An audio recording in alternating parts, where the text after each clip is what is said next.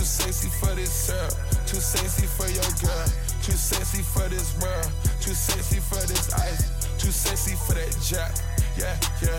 I'm too sexy for this chain, too sexy for your game, too sexy for this fame, yeah, yeah.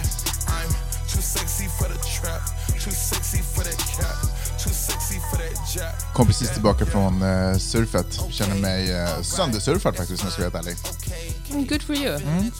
Eh, killen som eh, är liksom uh, Vidars huvudsakligen lärare kallas för Chris Crash Carson. Och han har eh, också ett band vid sidan om. Jaha, det visste jag inte. Och han hade precis varit i New York, för i New York så var det Fashion Week. Så han hade med sitt band varit där och hade lite olika gigs. Bland Gud, vad annat kul. på Victoria's Secrets afterparty.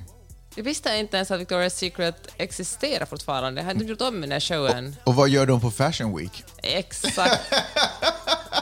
Men anyways, så han hade varit där eh, och festat runt i New York i en vecka och han var sådär, the city, they don't lie, the ci- city literally doesn't sleep.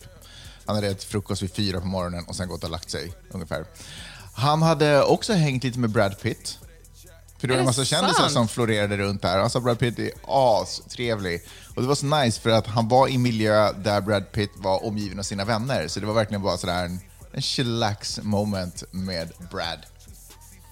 Men gud, alltså Chris, jag hade ingen aning om det här. hade ingen aning om det här. Och nu tänker jag säga en sak som han sa, som jag inte hoppas ska påverka det eller liksom ändra din bild av honom. För han är ju en... en eh, det känns som att det finns legendstatus runt honom.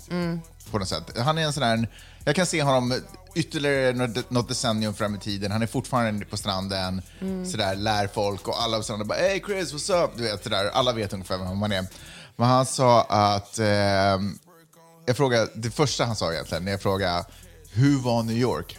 Så var han sådär, oh my god, my dick hurts.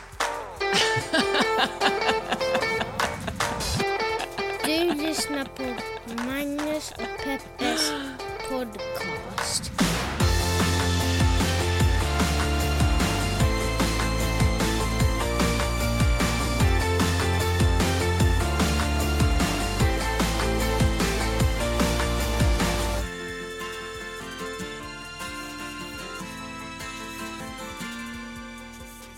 Hallå internet! Hjärtligt välkomna ska ni känna er, och jag, hopp, eller jag vet att ni känner er, till podcasten som heter Magnus och Peppes podcast.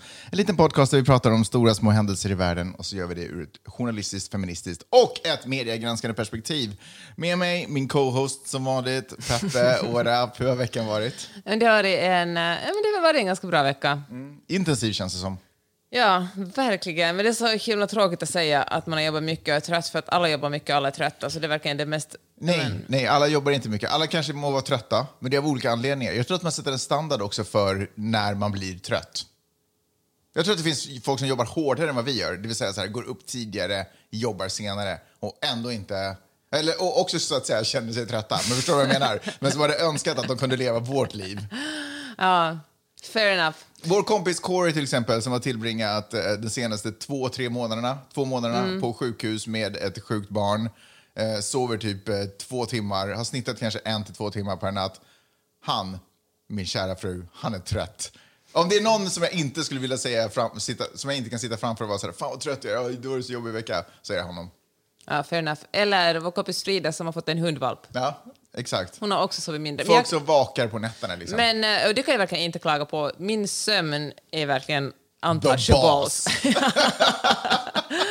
det är verkligen något som, ja men det existerar inte. Att, eh, alltså när jag är trött på kvällen, då bara stiger jag upp och går antingen hem eller till sovrummet. Mhm. Alltså det finns ingen chans att jag sitter uppe och håller mig vaken. Vänta, och... när du stiger upp på morgonen, sa du det? Nej, jag så menar går du sitter jag hem eller till sovrummet? Nej, jag säger så här. Vad menar du med det? Nej, jag, jag förstod inte vad du Det sa. var En till. jättekonstigt sagt. Ja. Nej, men jag sa att om vi sitter i soffan och tittar Mm. på en film och jag känner, nu är jag trött. Då är jag inte sådär, ah, borde man gå och lägga sig? Utan då är jag praktiskt taget i sängen. Ja. Och det är samma sak om jag är på en fest och jag tycker att... Ja, men eh, vet du jag då? Vet du jag då? Det gör ibland jag sitter i soffan och känner mig trött, då kanske jag inte ens reser mig från soffan, då kanske jag bara somnar där.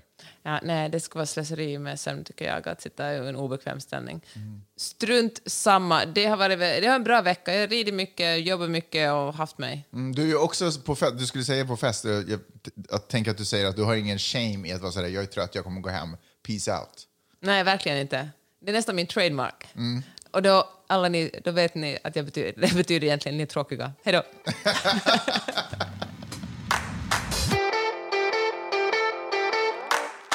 Men hör du, har det hänt någonting då som är värt att prata om i podden? Det som har hänt är att eh, Facebook som äger Instagram har till slut krupit i korset och varit sådär att fine, Instagram är kanske inte så bra för er. Och Är det den där studien som de gjorde? Ja, men så, precis. Ja. Som, jag tror det var The Wall Street Journal som skrev om den. Att eh, speciellt unga människor, tonåringar, tonårsflickor som eh, annars också, det är en jobbig period att vara tonåring, men som, också har, som annars också tycker att det är jobbigt att se hur kroppen förändras. Instagram gjorde det mycket värre för dem. Alltså tonåringar mår dåligt av att jämföra sig själv med det de ser på Instagram. Men hörru, borde det vara åldersgräns på Insta? Men det är ju det, herregud. Är det det? Ja, jag Vad är tror det det är typ åldersgräns? 13 år. Nej, men, Men- nej, men alltså, är 13 Ännu- år en åldersgräns? Det är väl ingen åldersgräns? Vadå? nej, men alltså, du, innan dess är telefoner för tunga att hålla i. Alltså, Men, eh, men Instagram, eller liksom Facebook planerar ju att göra ett Instagram for kids, för de tänkte att det, ja, det finns that's inte... the way to go. ja, men då har vi i alla fall det löst är det så problemet. cyniskt!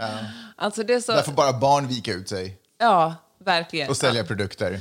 Men jag tänker så att det är klart, alltså, vi kan vara så där att åh, stackars tonåringar, vi måste hålla ett öga på dem. Och det måste vi verkligen och fundera på hur sociala medier påverkar dem. Det var också, jag läste en annan text i, i Slate, som, tror jag det var, som handlar om att man borde kanske undervisa i sociala medier. Vem, ingen fattar, alltså alla fattar, men ingen fattar riktigt hur påverkade vi blir av dem. Jag Ja, du menar att- skolorna borde ha Ja. liksom ett ämne, sociala medier? Ja, verkligen. Så här, så här fungerar det när en influencer säger eh, Hi guys, köp den här grejen. Alltså ett ypperlig kurs för typ samhällsvetenskap, jag vet inte om det är ett ämne längre, men det hade vi ju. Då pratade man om demokrati, man pratade om hur samhället ser ut, hur samhället fungerar. Det här är ju absolut, och tidningar och allt sånt. Sen eh, tycker jag, alltså jag tycker om att tala om influencerbranschen och eh, hur eh, influencers kränger mycket grejer. Alltså, bransch, det handlar ju om att få människor att konsumera mera grejer. Inte alla influencers säger varje gång, det finns sådana som också pratar om hållbarhetsfrågor. Och, eh, men en stor del, den klassiska influencern säger att du ska köpa grejer. Och då läste jag en så otroligt eh, ett bra blogginlägg av Maria Soxbo som också är någon form av influencer men jobbar väldigt mycket med klima- klimatfrågor. Länken till den här finns för övrigt i mitt nyhetsbrev om man vill läsa den, men jag kan dra den lite kort här. Det handlar om eh, konsumtionshets och hur det ofta är sådär den snabbaste, vissa, ofta gör man det som jag gör, man bara, men influencer måste verkligen skärpa sig och, och sluta kränga grejer. Men om man tar det ett steg längre så finns det ju fler involverade i det här. Det finns folk som äger modeföretag, som, om vi nu talar till exempel om kläder. Då. Och, eh, då är modeföretagen, hur ska vi få folk att köpa våra kläder? Vi anlitar en influencer. Och eh, så hittar vi på affiliate-länkar, så att eh, ifall influencern inte bara visar upp ett specifikt plagg utan vi visar upp jättemånga plagg.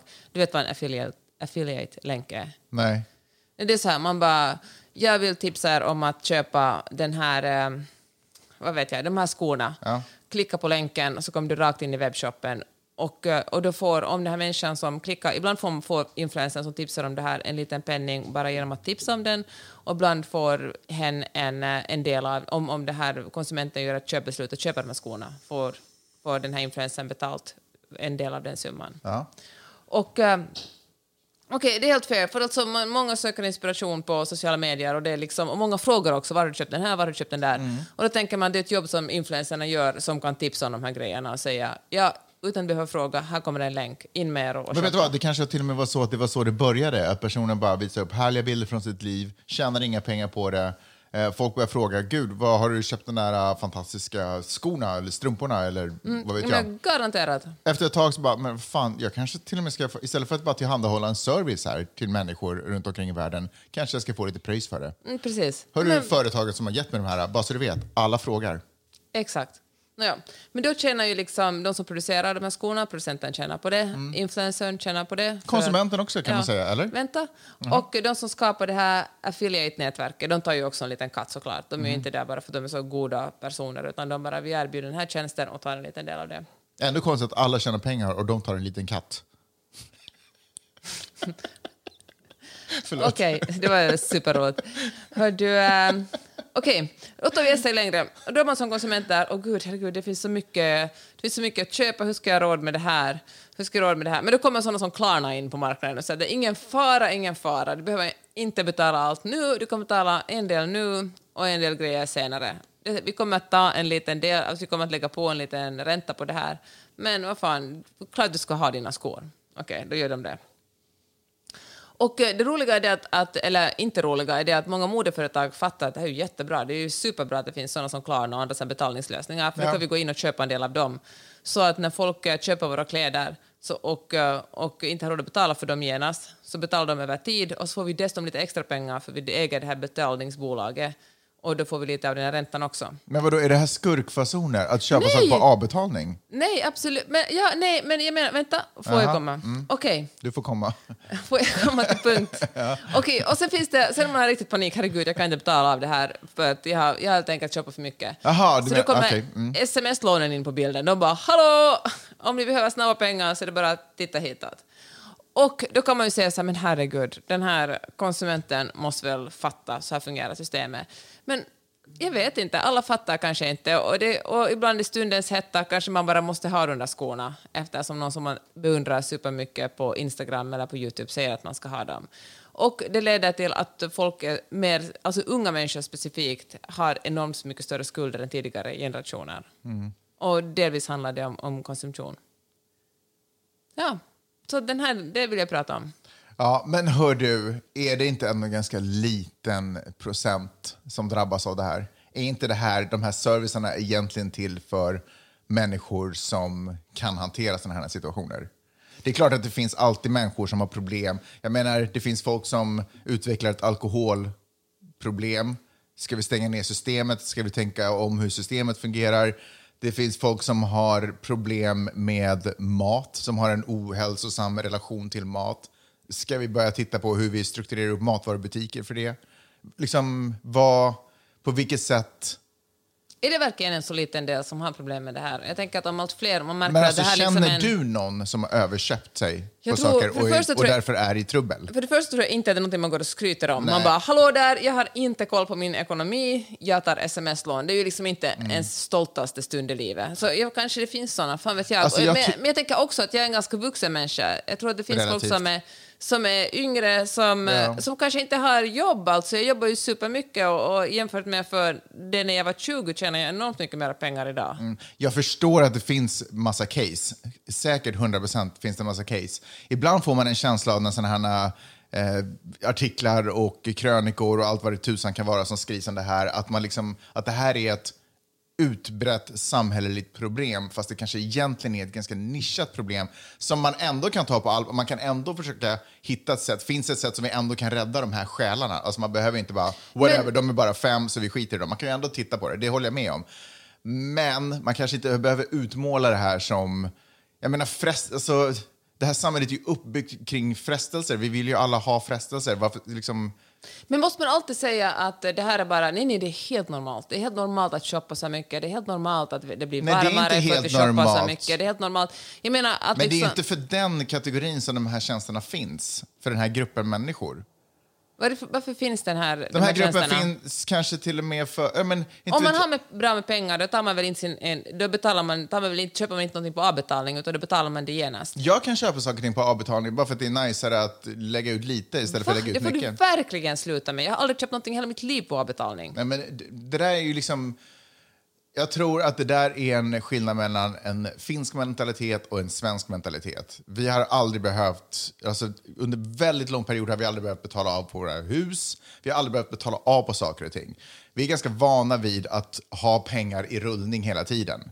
Jag kan också se att det kan finnas liksom eh, kapitalistiska fördelar för samhället att pengar hela tiden är i rullning istället för att alla håller på att spara sina pengar och har dem. För då får ju inte andra pengar dem. Men om jag, betal, alltså det handlar, alltså nej, om jag betalar för en vara sätter jag mina pengar i rullning. Det som jag talar om nu är att betala något på avbetalning där varan blir mycket dyrare i längden. Alltså avbetalning och sms-lån handlar ju allt om att du inte egentligen har råd att köpa det men du tänker att jag kanske har råd nästa månad och sen nästa månad. Och det, och, Ja, fast det handlar, det handlar inte nödvändigtvis alls om, till exempel om jag ska köpa en bil, så istället för att jag lägger ut, inte fan vet jag, 200 000 kronor rakt på bräde, plötsligt har jag inte så mycket sparpengar kvar, så är det kanske bättre att jag betalar lite mindre varje månad, bilen blir kanske lite dyrare, men åtminstone har jag ett sparkapital som då också kan rädda mig om någonting händer. Okej, fine, en bil och ett hus, men nu talar vi ju om konsumtionsvaror som kläder och skor och eh, saker som man köper för att man är Men inspirerad. jag tror inte att det här är skor de köper som är värda ungefär 1000 kronor. Jag tror att det här är dyra saker som folk köper. Nej, håller verkligen inte alls med dig om. Jag tror det handlar om allt från att köpa grejer på Lindex till att köpa dyrare grejer. Alltså, jag tror verkligen det handlar om hela skalan. Jag tror det handlar om mängden man köper. Ja, det är beklagligt. Jag tror inte att de är en stor grupp i samhället. Ja, men det är i alla fall en växande grupp. Tydligen så blir det allt fler unga människor som tar sms-lån och allt fler då som hamnar hos inkasso och allt, fler som, och allt högre. Alltså Kronofogden i Sverige skriver att det är, allt, det är, liksom en, det är en grupp som verkligen växer snabbt, skuld, överskuldsatta unga. Ja, men det tycker jag, alltså, det måste man passa sig för. Alltså för. Det finns inget dummare och mer onödigt att hamna hos Kronofogden för att köpa 100 kronor. Alltså, se verkligen till att hålla er borta från Kronofogden för att om Kronofogden är på er och ni börjar bli markerade i systemet, då är ni stekta för, alltså man är fucked for a long time. Men herregud, det är det jag säger just Ja, nu. ja, men jag bara menar, ja, 100 procent. Men jag tror att vi pratar till en ganska liten grupp där ute. Jag tror att det är ganska få som känner igen sig i det vi pratar just nu, egentligen. Men vi tycker om, tror jag, också att höra om historier om hur kommersialismen hela tiden håller på och försöker förstöra det för oss och utnyttja svaga människor. Jag, tycker, jag tror att vi tycker om, för det är liksom så här, det som Vadå draken och prinsessan. tycker om att... Vadå, på vilka, vänta lite nu, ursäkta. Va, va, hallå! Här. Okej, ska vi gå vidare? Nej, absolut inte. Nu, för det, alltså, tyvärr är ju alltså konsumtionens... Alltså vi konsumerar ju alldeles för mycket idag. Senast, bara för några dagar sedan så kom, det ut, eh, så kom FN ut med en, en så här klimatestimat att eh, temperaturen kommer att gå upp med, med 2,7 grader Mhm. om vi fortsätter konsumera så här mycket. Då är liksom målet 1,5. Och jag har ju skrivit en text om, eh, om kläder. Fast nu drar du en parallell med att, att, öka konsumtion. Att bara för att, man, att vi generellt på jorden köper mer, så det betyder också att folk också skuldsätter sig mer. Det är inte nödvändigtvis... Alltså, nu, tror jag att Nej, nu tar jag det din prinsessa och den stackars konsumenten. Alltså, när, det är ju de fattigaste som också drabbas av klimatkatastrofen. I längden drabbas ju vi också. Men de människor som nu har liksom lider, bara i USA, i Louisiana, av att det har varit en orkan där, som inte har, där det liksom 40 grader varmt, otroligt det- fuktigt, har inte luftkonditionering. Det är ju, he, det är ju alltid de, som, det är de svaga som drabbas av att vi tycker att det är lite gött Fast att det kunna konsumera. inte... 100 procent påverkar eh, konsumtion klimatet, fast det var inte det vi pratade om. Men det vi var det prat- du sa, den onda, onda kapitalismen och den Ja, för- prinsessan och draken. Därför att du berättade en historia om att Det var ingen historia, det var fakta. Mm, du berättade fakta, du presenterade fakta om att det finns en grupp som verkar växa, som tar på sig lån, som hamnar i personliga ekonomiska Ja. trubbel. Det var inte en historia om, eller det var inte en presentation av fakta om konsumtionens eh, påverkan på klimatet, för det vet vi att det har det. Men jag menar att att de här historierna om hur det påverkar unga människor och svaga människor i samhället, eller inte vet jag, utsatta människor i samhället, att de, bara för att de presenteras så får man en känsla av att det här är ett jätte, jättestort problem. Men- Jag tror att det är en ganska marginell grupp som egentligen... Och, men min poäng är att de här tjänsterna är ju till för att det ska underlätta för oss. Och det är klart att underlätta kan... För det här tjänsten är till för att folk ska tjäna mer pengar. Ja, för att grundarna till de här bolagen ska tjäna mer pengar. Det är den enda orsaken det finns den möjligheten. Nej, varför- Om det skulle handla om att underlätta... Men vad, Nej, men att det finns ingen motsägelse med att några som kommer på en idé för att tjäna pengar på... Det finns ingen eh, motsägelse i att någon som kommer på en idé för att underlätta ett köp inte också skulle kunna tjäna pengar på den idén. För att underlätta ett köp, för att Ja. hjälpa folk att bli skuldsatta. Nej, inte hjälpa folk att bli skuldsatta, utan hjälpa folk i det de vill. Att kunna göra det lättare att konsumera med pengar som man inte har. Ja, till exempel. Men det är ju, ing, det är ju inte, det är ju i längden att göra livet svårare för någon. Eh, Det, det, om den personen som går på den här grejen och som tar det här inte har koll på sin ekonomi så sätter man sig naturligtvis i en dum situation. Men man får väl ändå utgå ifrån att folk som tänker göra köp tänker göra köp för pengar de någonstans har. Fast det är ju det som är problemet här, att det finns en grupp som... Ja, om jag säger att det är inte är ett så stort problem. Men hur kan du veta det? Nej, men jag, Du jag, sitter ju också bara och killgissar nu här. Jag tänker att om, det här är ett, om, det ett, om man ser att okej, den här gruppen växer och växer, när är den tillräckligt Mm. stor för dig för att du ska tycka att det är ett problem? Hur många? Det är 30%. liksom 30 procent av alla svenska ungdomar. Okej. Nej, nej, jag vet inte. Jag vet inte. Jag vill bara, alltså, jag menar att såna här, eh, såna här artiklar, eller vad fan det är, undersökningar, får ganska mycket gemens, gensvar därför att det målar upp en bild av, och det, nu kommer jag igen till metaforen, liknelsen, den stora draken, det onda, eh, kapitalismen som bara försöker skuldsätta och äta upp oss genom vår ekonomi och den lilla vanliga människan som inte har någon kontroll över sin situation och som bara är ett offer för den här stora draken, som inte alls kan ta upp ett svärd och bara gå sin väg eller någonting annat, utan som bara jag står helt handfallen, jag kan inte göra någonting. Förstår du Du vad är jag menar? så cynisk. Alltså, jag tycker det, det här... Ja. Det, ja, jag tycker i alla fall att det är Det är en problem. beklaglig stund i den här poddens historia. Ja, jag är så besviken på det, Magnus, måste säga. Okej, ska vi gå vidare då? Tycker du också att de där tonåriga tjejerna får skylla sig själva som Nej, har en dålig bild? nej, För att vad fan, man fattar ju att Instagram är bara hittar på liksom. Det är stylade bilder och retuscherade. Så att de som lider av det, fan skärp er. Nej, jag tycker att det är sjukt ledsamt att många människor... För där är det ju 30 procent ungefär. Jag tycker att det är sjukt ledsamt att... Uh, ja, nej, Instagram hjälper inte den gruppen. Den gruppen, precis som du sa, man har, man går, alltså man har ju ångesten. Alltså man, saker är ju läskigt i den åldern. Så det är ju synd om man vänder sig till Insta för underhållning, eh, för det kommer absolut inte hjälpa. Men där tänker jag att jag hoppas att det finns liksom vuxna i närheten som kan på något sätt guida och förklara det för en 13-åring.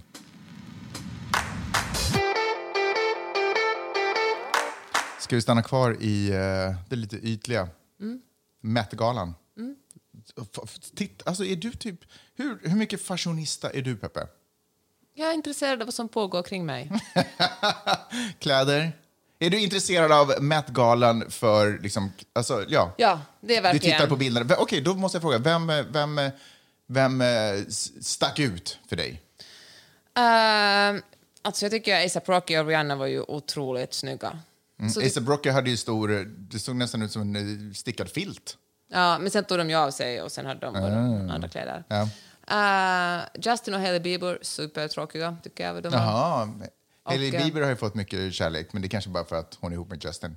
Och eh, sen tycker jag såklart att AOC, jag har ju själv varit otroligt sugen på att köpa en Tax the Rich-tröja av AOC. Men nu tänker jag att nu kan jag inte göra det längre för nu, ja, det, den, liksom, den är blåst liksom. Det är inget, för då, för, ja. Varför, hur menar du då? Nej, men jag tänkte att nu är det, nu är det ute där. Aha, det är allmänt känt Ja. att det är hennes trade. Då Liksom. tänker folk sådär att åh nej, Peppe det där på Met-galan. Du vet vilken chans att säga det nu. Jag tänkte det innan hon hade på sig den. ja. Men du skulle ha eh, sagt hon, att du redan köpt den för länge sedan. ja, hon säljer ju merch. Nej men eh, så här, eh, jag tyckte att det var roligt att hon tog chansen. Sen vet jag alltså, det blir ju... Nej men jag tänker, vad fan, hon går på en Met-galan, biljetterna kostar 35 000 dollar, så då ska man väl ändå ta sin eh, chans att eh, komma med ett politiskt budskap. Eller ett, eller ett fashion-budskap för den delen. Tema var ju förresten America. Eh, precis. Jag har skrivit ner det här. Vänta nu. Temat var In America, a lexicon to fashion. Mm. In America, a lexicon to fashion. Vad tyckte du då? Eh, jag eh, undrade vad tusan det var för någonting. Du har hört talas om Jo, det? jag har absolut hört talas om det, men jag undrade vad tusan det var för någonting. Och då kollade jag lite. Met Gala, alltså eh, egentligen är det officiella namnet Costume Institute Gala. Och eh, Costume Institute är en avdelning på The Metropolitan Art Museum of Art som finns i New York, alltså världens grymmaste. Har, har du varit där någon gång? Alltså, så jävla grymt. En avdelning där inne är alltså, tillhör alltså The Costume Institute. Och den här galan hålls en gång om året vid öppningen av den utställning som den klädavdelningen på det museet har. Eh, och eh, det är till då för, det är en fundraising egentligen för museet eller kanske för den delen. Eh, och i år var det då alltså, och, och tanken, just det, och i år var det då alltså In America a fashion, eh, a lexicon of fashion. Och eh, det, poängen är att de inbjudna gästerna, eller de som har betalat för de här biljetterna, ska klä sig i kreationer inspirerade av den här uh, utställningen. Så det ska finnas någon form av korrelation där. Och det tyckte jag var intressant, för det sätter ju en del av de här kläderna som har diskuterats, utstyrseln som har diskuterats i ett litet annat ljus. Men I praktiken är det ju så här att det är modehus som vill synas på nu är jag den cyniska, men så är det, som vill synas på bild, som köper biljetterna. Det är inte så liksom att, att någon av de här kändisarna betalar för biljetterna själva. Utan då bestämmer modehusen, hej, vill du, vi vill jättegärna att du ska representera oss, eh, här är alternativen, vill du ha på dig det här? Och sen vet man att den grejen kommer bli fotograferad jättemycket. Och det är väl Anna Wintour som i praktiken gör både inbjudningslistan och godkänner mer eller mindre alla, alla utstyrslar. Anna Winter, alltså delen, de- den delen av eh, klädesavdelningen i Metropolitan Museum of Art, eller vad fan det heter, heter Anna Wintour Continental Center. Och Anna Wintour är väl också chefred för Vogue? eller? Ja. Så det är ju alltså det är verkligen fashion elite eh, på hög nivå som pågår där. Vad Det skrattar är du så åt? otroligt fint att se dig på något sätt eh, upp, liksom bara en ny värld öppnas för dig. Jag ska berätta vad, eh, vad utställningen, som då alltså alla kläder ska, så alla gästers kläder ska liksom inspireras av. Utställningen då, eh, som jag då sa, det där lexikon, bla bla bla, eh, är så här, handlar om det här. Eh, American designers are at the forefront of conversation about diversity, inclusivity, sustainability, gender fluidity, and body positivity. And the framework of the show enables us to focus on a younger designers who are engaging thoughtfully and deeply with those ideas. Eh, Så det handlar om en, liksom en politisk medvetenhet. Det är det de försöker liksom, eh, lyfta fram med den här. Och då är ju inte AOC som fick jätte, till exempel, mycket så här, bara, "Äh, hon, varför har hon där? Politiskt budskap. Sitter vi ganska bra i. Hon fick väl också väldigt mycket kärlek. Såklart. Uh, haters gonna hate. Eh, Kim Kardashian som kom uh, iklädd, alltså spökplumpen. Eh, finns ju också någonstans, en, jag kan se en koppling och relation där, där ta bort ansiktet och fokusera på liksom könlöshet eller kropp, eller inte fan vet jag, men jag kan se det. Liksom. Jag tyckte det var intressant, för allas kläder blev på något sätt på ett annat sätt. För jag har bara hört diskussioner, folk bara, det är som att när folk tittar på vad, folk har, vad de här gästerna haft på sig, så har man bara förutsättningslöst kritiserat eller hyllat. Och den där var vacker, den där var ful, den där var vacker, den där var konstig, den där var spännande. Men inte ur sitt, i sitt sammanhang. Så det var nytt för mig. Ja, det var en bra analys. Eh, så det tyckte jag var spännande. Eh, ja, det var det jag ville säga. Jag pluggade Met-galan plötsligt. Cool. Ja, så, så är vi här på podden. Joe Biden har ju gjort det han sa att han inte skulle göra. Alltså Nej. att tidigare i, pandemin sa Har han han haft att, en affär? att han kommer aldrig att eh, tvinga folk att vaccinera sig. Jaha. Men eh, nu har det gått så långt så han har verkligen tagit tillbaka det uttalandet. Och, eh, eller ingen tvingas vaccinera sig, utan man har ett val fortfarande. Men om man, eh, om man till exempel äger ett företag och har fler än 100 anställda, då måste de vara vaccinerade som går på jobb där. Och jobbar man inom andra Ja, men också myndigheter, då måste man vara vaccinerad. I början var det ju så att man måste testa sig en gång i veckan. I Kalifornien från och med september måste man också ha, ha, visa upp sitt vaccinintyg om man ska gå på nattklubb eller på barer. Inte på restauranger dock ännu, men det kommer kanske senare. Är det ett övergrepp på uh, the, Amer the American freedom? Nej, jag tycker verkligen absolut inte. Det är ju fortfarande valfritt. Man väljer att inte gå på bar då kanske. Just eller det. att man väljer att inte gå till Disneyland eftersom man inte vill vaccinera sig. Det är ju alltid väl ett val, tänker jag. Jag tycker att det är svårt, för det blir på något sätt som en tankekullerbytta. Därför att vi har ju egentligen aldrig varit i en sån här, vår generation och många andra generationer efter oss har aldrig varit i en sån här situation där vi eh, gör val som får negativa konsekvenser för oss som personer. Vi är så otroligt, alltså jag menar tidigare under, alltså tidigare när vi har levt så har vi sådär, Ja, men ska jag gå på den klubben, ska jag göra det? Eller ska jag ha den försäkringen, ska jag ha den försäkringen? Ska jag bo där eller ska jag bo där? Alla val, sen kanske inte alla val blir lyckade, men vi kan ändå se, vi kan göra chansningar. Och så, så våra val har hela tiden varit i syfte att det ska bli så bra som möjligt för oss. Så när vi nu ställs inför det här fria valet, förstås, eh, om, om vi ska ta ett vaccin eller inte, så då tänker vi ju förstås utifrån oss själva, som vi alltid gör, egoistiska som vi är, så tänker vi, är det bra för mig eller är det dåligt för mig? Och så då kanske vi i första ledet tänker, är det här hälsosamt för mig eller är det inte hälsosamt för mig? Och så är vissa rädda, andra ser det som en självklarhet. Andra ser, kan också argumentera på andra sätt. Men det blir, jag tror att det blir en tankekullerbytta för att vi har gjort ett val som ska vara rätt för oss och bra för oss. Och sen helt plötsligt så kommer det en massa andra och säger, i och med att du gjorde det här valet så kommer du inte få utnyttja de här tjänsterna i samhället till exempel. Och det tror jag blir en så här tankekullerbytta, för då är det som att vi, vi utnyttjar frihet men vi blir begränsade. Fast det, här väl, det är väl inget nytt? Jag tror vi bara tänker mer aktivt på det nu. Det är, liksom, är det frihet? Är, är, liksom förtryckande, är staten förtryckande för att vi inte får köra fulla, till exempel?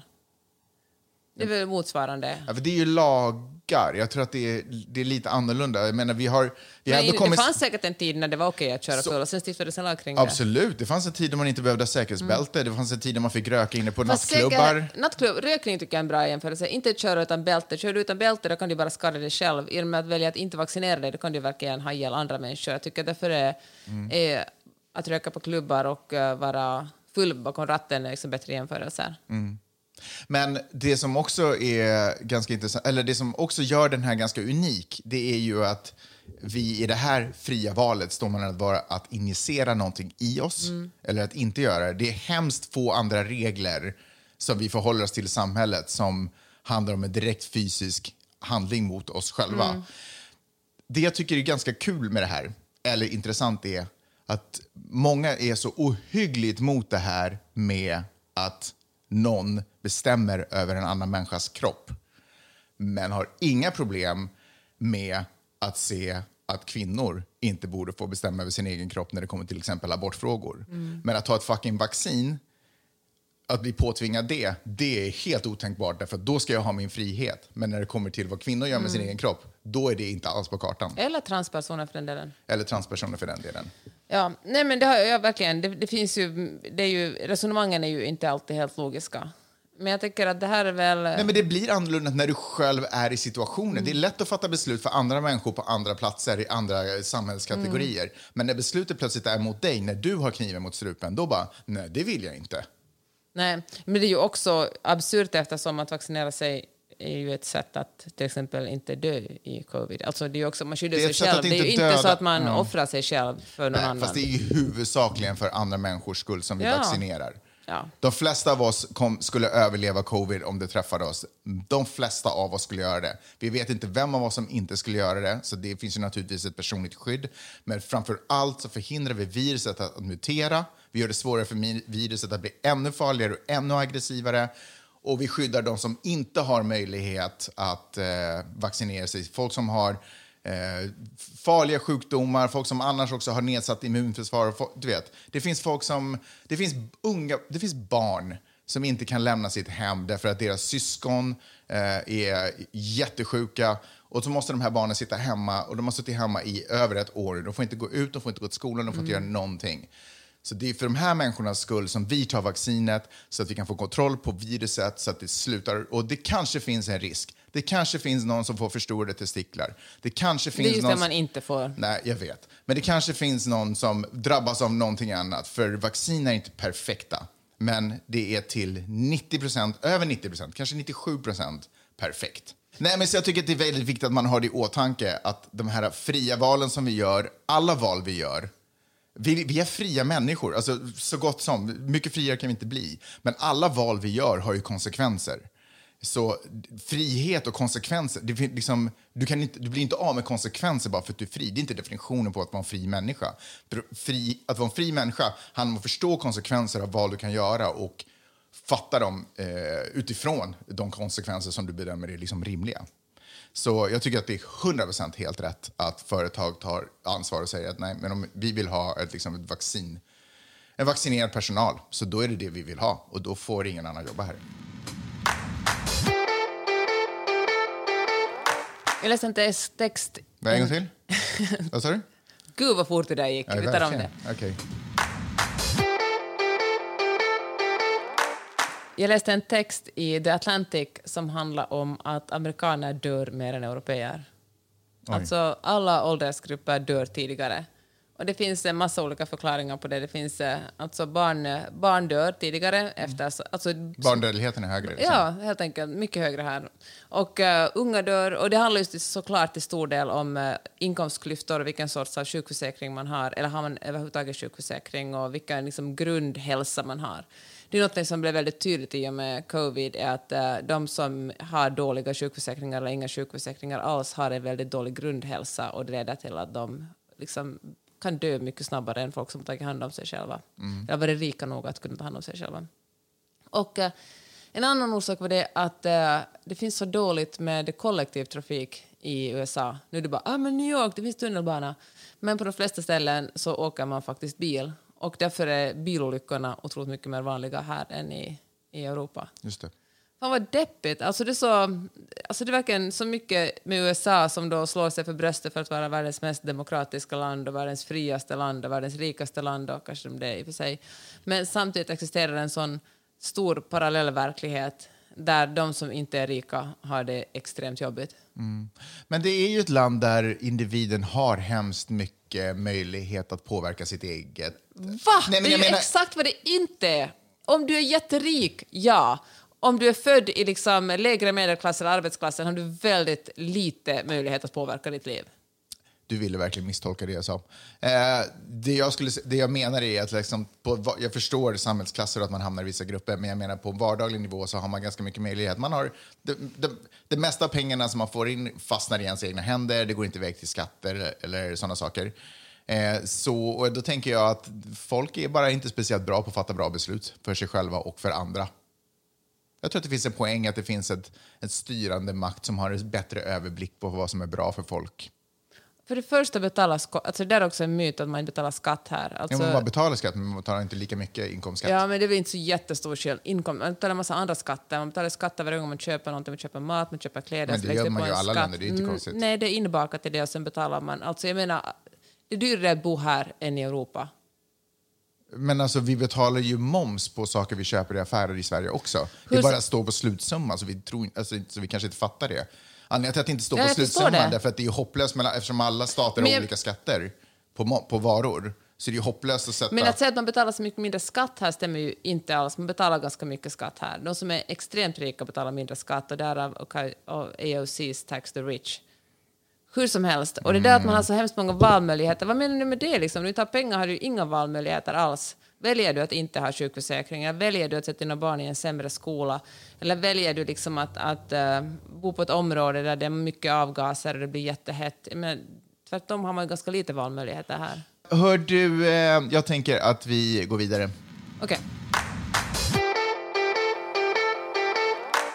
Nicki Minaj, hon har inte varit eh, vaccinmotståndare. Hon har, hon har mer pratat om så här, ehm, jag har inte bestämt mig hur jag vill göra. Vaccinskeptiker kanske. Vaccinskeptiker. Hon har inte sagt så här, ta inte Ska vi vaccinet. se vad det stod? Ska vi börja med vad det stod Ja, men det, har varit tweeten? det har varit flera tweets, eh, nämligen på teman som hon har droppat. Och de har liksom, ända upp till det här senaste som vi snart kommer komma in på, så har det liksom varit, jag håller på att researcha, jag har inte riktigt bestämt mig hur jag vill göra.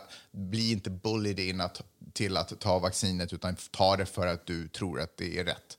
Och typ till och med också förtydligat, observera, jag är inte emot vaccinet, jag försöker bara get it right. Eh, hon nämnde också Met-galan faktiskt, för de som eh, kom dit, gick dit var förväntade att de var Ja, De vaccinerade. måste visa Ja, vaccinationsbevis, så därför gick hon inte. Exakt, så Nicky var så här, jag kommer inte gå, hon och jag är Nicky nu, Mm. eh, så jag kommer inte gå för jag vill inte bli bullied till att ta vaccin. Jag går, skit, tar jag vaccinet så är det väl någon helt, så är det för att jag tycker att det är rätt. Anyway, sen så droppar hon då bomben som alla hakade på. Det står så här i, i, i tweetet. My cousin in Trinidad won't get the vaccine because his friend got it and became impotent. His testicle became swollen. His friend was weeks away from getting married. Now the girl called off the wedding. So just pray on it and make sure you're comfortable with your decision. Not bullied. Jag ser att det, Sean Hannity på, eller Tucker Carlson, jag tror att Tucker Carlson på Fox News hakar på det här att hon sa pray for it. Och sa att det, alla som är emot den här tweeten och emot Nicki Minaj är bara emot troende kristna i USA egentligen. Just det, för det var det som, det var Pray-grejen som, var, som stack ut där. För det första, får jag bara säga, Nicki Minaj kusses kompis fru, vilken asshole, som dumpar Mm. sin snubbe precis innan ett bröllop bara för att han, inte jag, fick en Men jag sjukdom tänkte att det var på gång då. Alltså hon ville, hon ville bara ha en orsak. Låt oss fördjupa oss i vad som kan ha hänt där egentligen. Folk pratar för lite om vad som... Deras vad, relation. Vad hade de för relation egentligen? Alltså, du och jag ska gifta oss, du blir supersjuk eller någonting annat, får någon åkomma. Och istället för att bara gå till botten med vad som har hänt kan vi reda ut det. Vi kanske skjuter fram det, så bara... Ledsen Peppe, jag tror inte att det här är för mig. Men vet du vad, Agnes? det enda som blev cancelled i den här hela historien var ju det bröllopet. Ja. För Nicki Minaj blev ju faktiskt inte cancelled av det Men hur här. ska hon kunna bli cancelled? Cancelled menar- vadå? Hur då? Nej, men jag menar att folk, folk blir ju arga, men för att istället för att... eh, jag faktiskt skrev jag kort om det här i mitt uh, nyhetsbrev, men eh, jag borde ha skrivit... Jag gjorde det tidigare i veckan, men det som jag egentligen borde skriva in är också det här att hon blev faktiskt inbjuden att tala om det här och föra en öppen diskussion. Alltså, jag tror det var hälsoministern i Trinidad ställde upp och ville prata med henne. Jag tror att Anthony Fauci också har erbjudit att förklara vad som egentligen på vilket sätt mm. svullna testiklar inte har någonting med covid-vaccinet att Alltså göra. skillnaden när en superstjärna bara, eh, det här verkar konstigt, säger någonting och när en vanlig typa säger någonting. Eh, vit, vet du vad? Vita huset hörde också av sig. Go. Thanks, Jen. I want to ask you about some recent vaccine misinformation that's been out there and ask you to clarify. There seems to be a difference of opinion between Nicki Minaj and the White House about what she was invited to do. Did the White House extend an invitation to Nicki Minaj to come here? Well, uh, first, we don't see this as a point of tension or disagreement. I, I want you all to know that we engage all the time with uh, people who have big public platforms or profiles. Some of them we talk about, some of them are here, some of them you don't even know about because they're just looking for questions to be answered. Uh, we offered a call uh, with Nicki Minaj uh, and one of our doctors to answer questions she had about the safety and effectiveness of the vaccine. Uh, this is pretty standard and something we do all the time. It was a very early stage call at a staff level, staff to staff, um, and we weren't even at the point of discussing, or we're not even at the point of discussing, I should say at this point, um, the mechanisms or the format or anything along those lines. Alltså, Nicki Minaj tweetar Vita huset hör av sig. Bara, vill du snacka med en av våra läkare? Alltså, jag tycker att det är... Wow, jag hade ingen aning om att Vita huset var så på den och bara erbjuder sina egna läkare när man... eh, Men det är ju otroligt viktigt eftersom Nicki Minaj är, hon är liksom inte vit och hon har jättemånga svarta fans. Och svarta är ju med all orsak ganska Mhm. All skeptiska ja. till vad vaccin och vad liksom en vit och- sjukvård vill precis. experimentera på dem. Så det så att, att hon tweetar någonting sånt här kan ju ha en enormt stor betydelse för en grupp som annars också är skeptisk. Mm. Och för att bara säga en sak, att, vet du, hon, eh, Jen Psaki som är Vita husets presstalesman, fy fan Som vi hörde hon nyss också. Ja. Hon är ju så fruktansvärt bra. Ja, hon är alltså, faktiskt- Vilken, eh, jag får nästan gåshud när jag tänker på hur bra hon är. Eller är hon bara bra i kontrast till vad vi har haft de senaste fyra åren? Nej, hon är bra. Ah, Okej. Eh, s- superspännande. Ja, det, du, det här med cancer, det var ju snack om att hon blev, Twitter liksom stängde av henne. Eh, Men det gjorde de aldrig. De gjorde aldrig det. Nej. det var, eh, och det har varit en massa andra tweets som har cirkulerat som ska ha sett ut som Nicki Minaj som folk har plockat upp som om det vore Nicki som skrev dem, men det är inte hon som har gjort det. Så att jag tänker att det här är ungefär det sista som har hänt på, på den fronten. Eh, jag tänkte avsluta den här grejen med, eh, heter han James Colbert som har Late, late Night Late Show, något sånt, eh, på CBS. Äh, fan, nu, Steve. Nu, nu, Steve Colbert. Ja, just det. Nu surrar jag ihop kanaler och alltihopa. Skitsamma. Men eh, jag tänkte avsluta med hans, eh, hans kommentar på det här. Next tweet showed how deeply she's delved into vaccine science, saying, My cousin in Trinidad won't get the vaccine because his friend got it and became impotent. His testicles became swollen.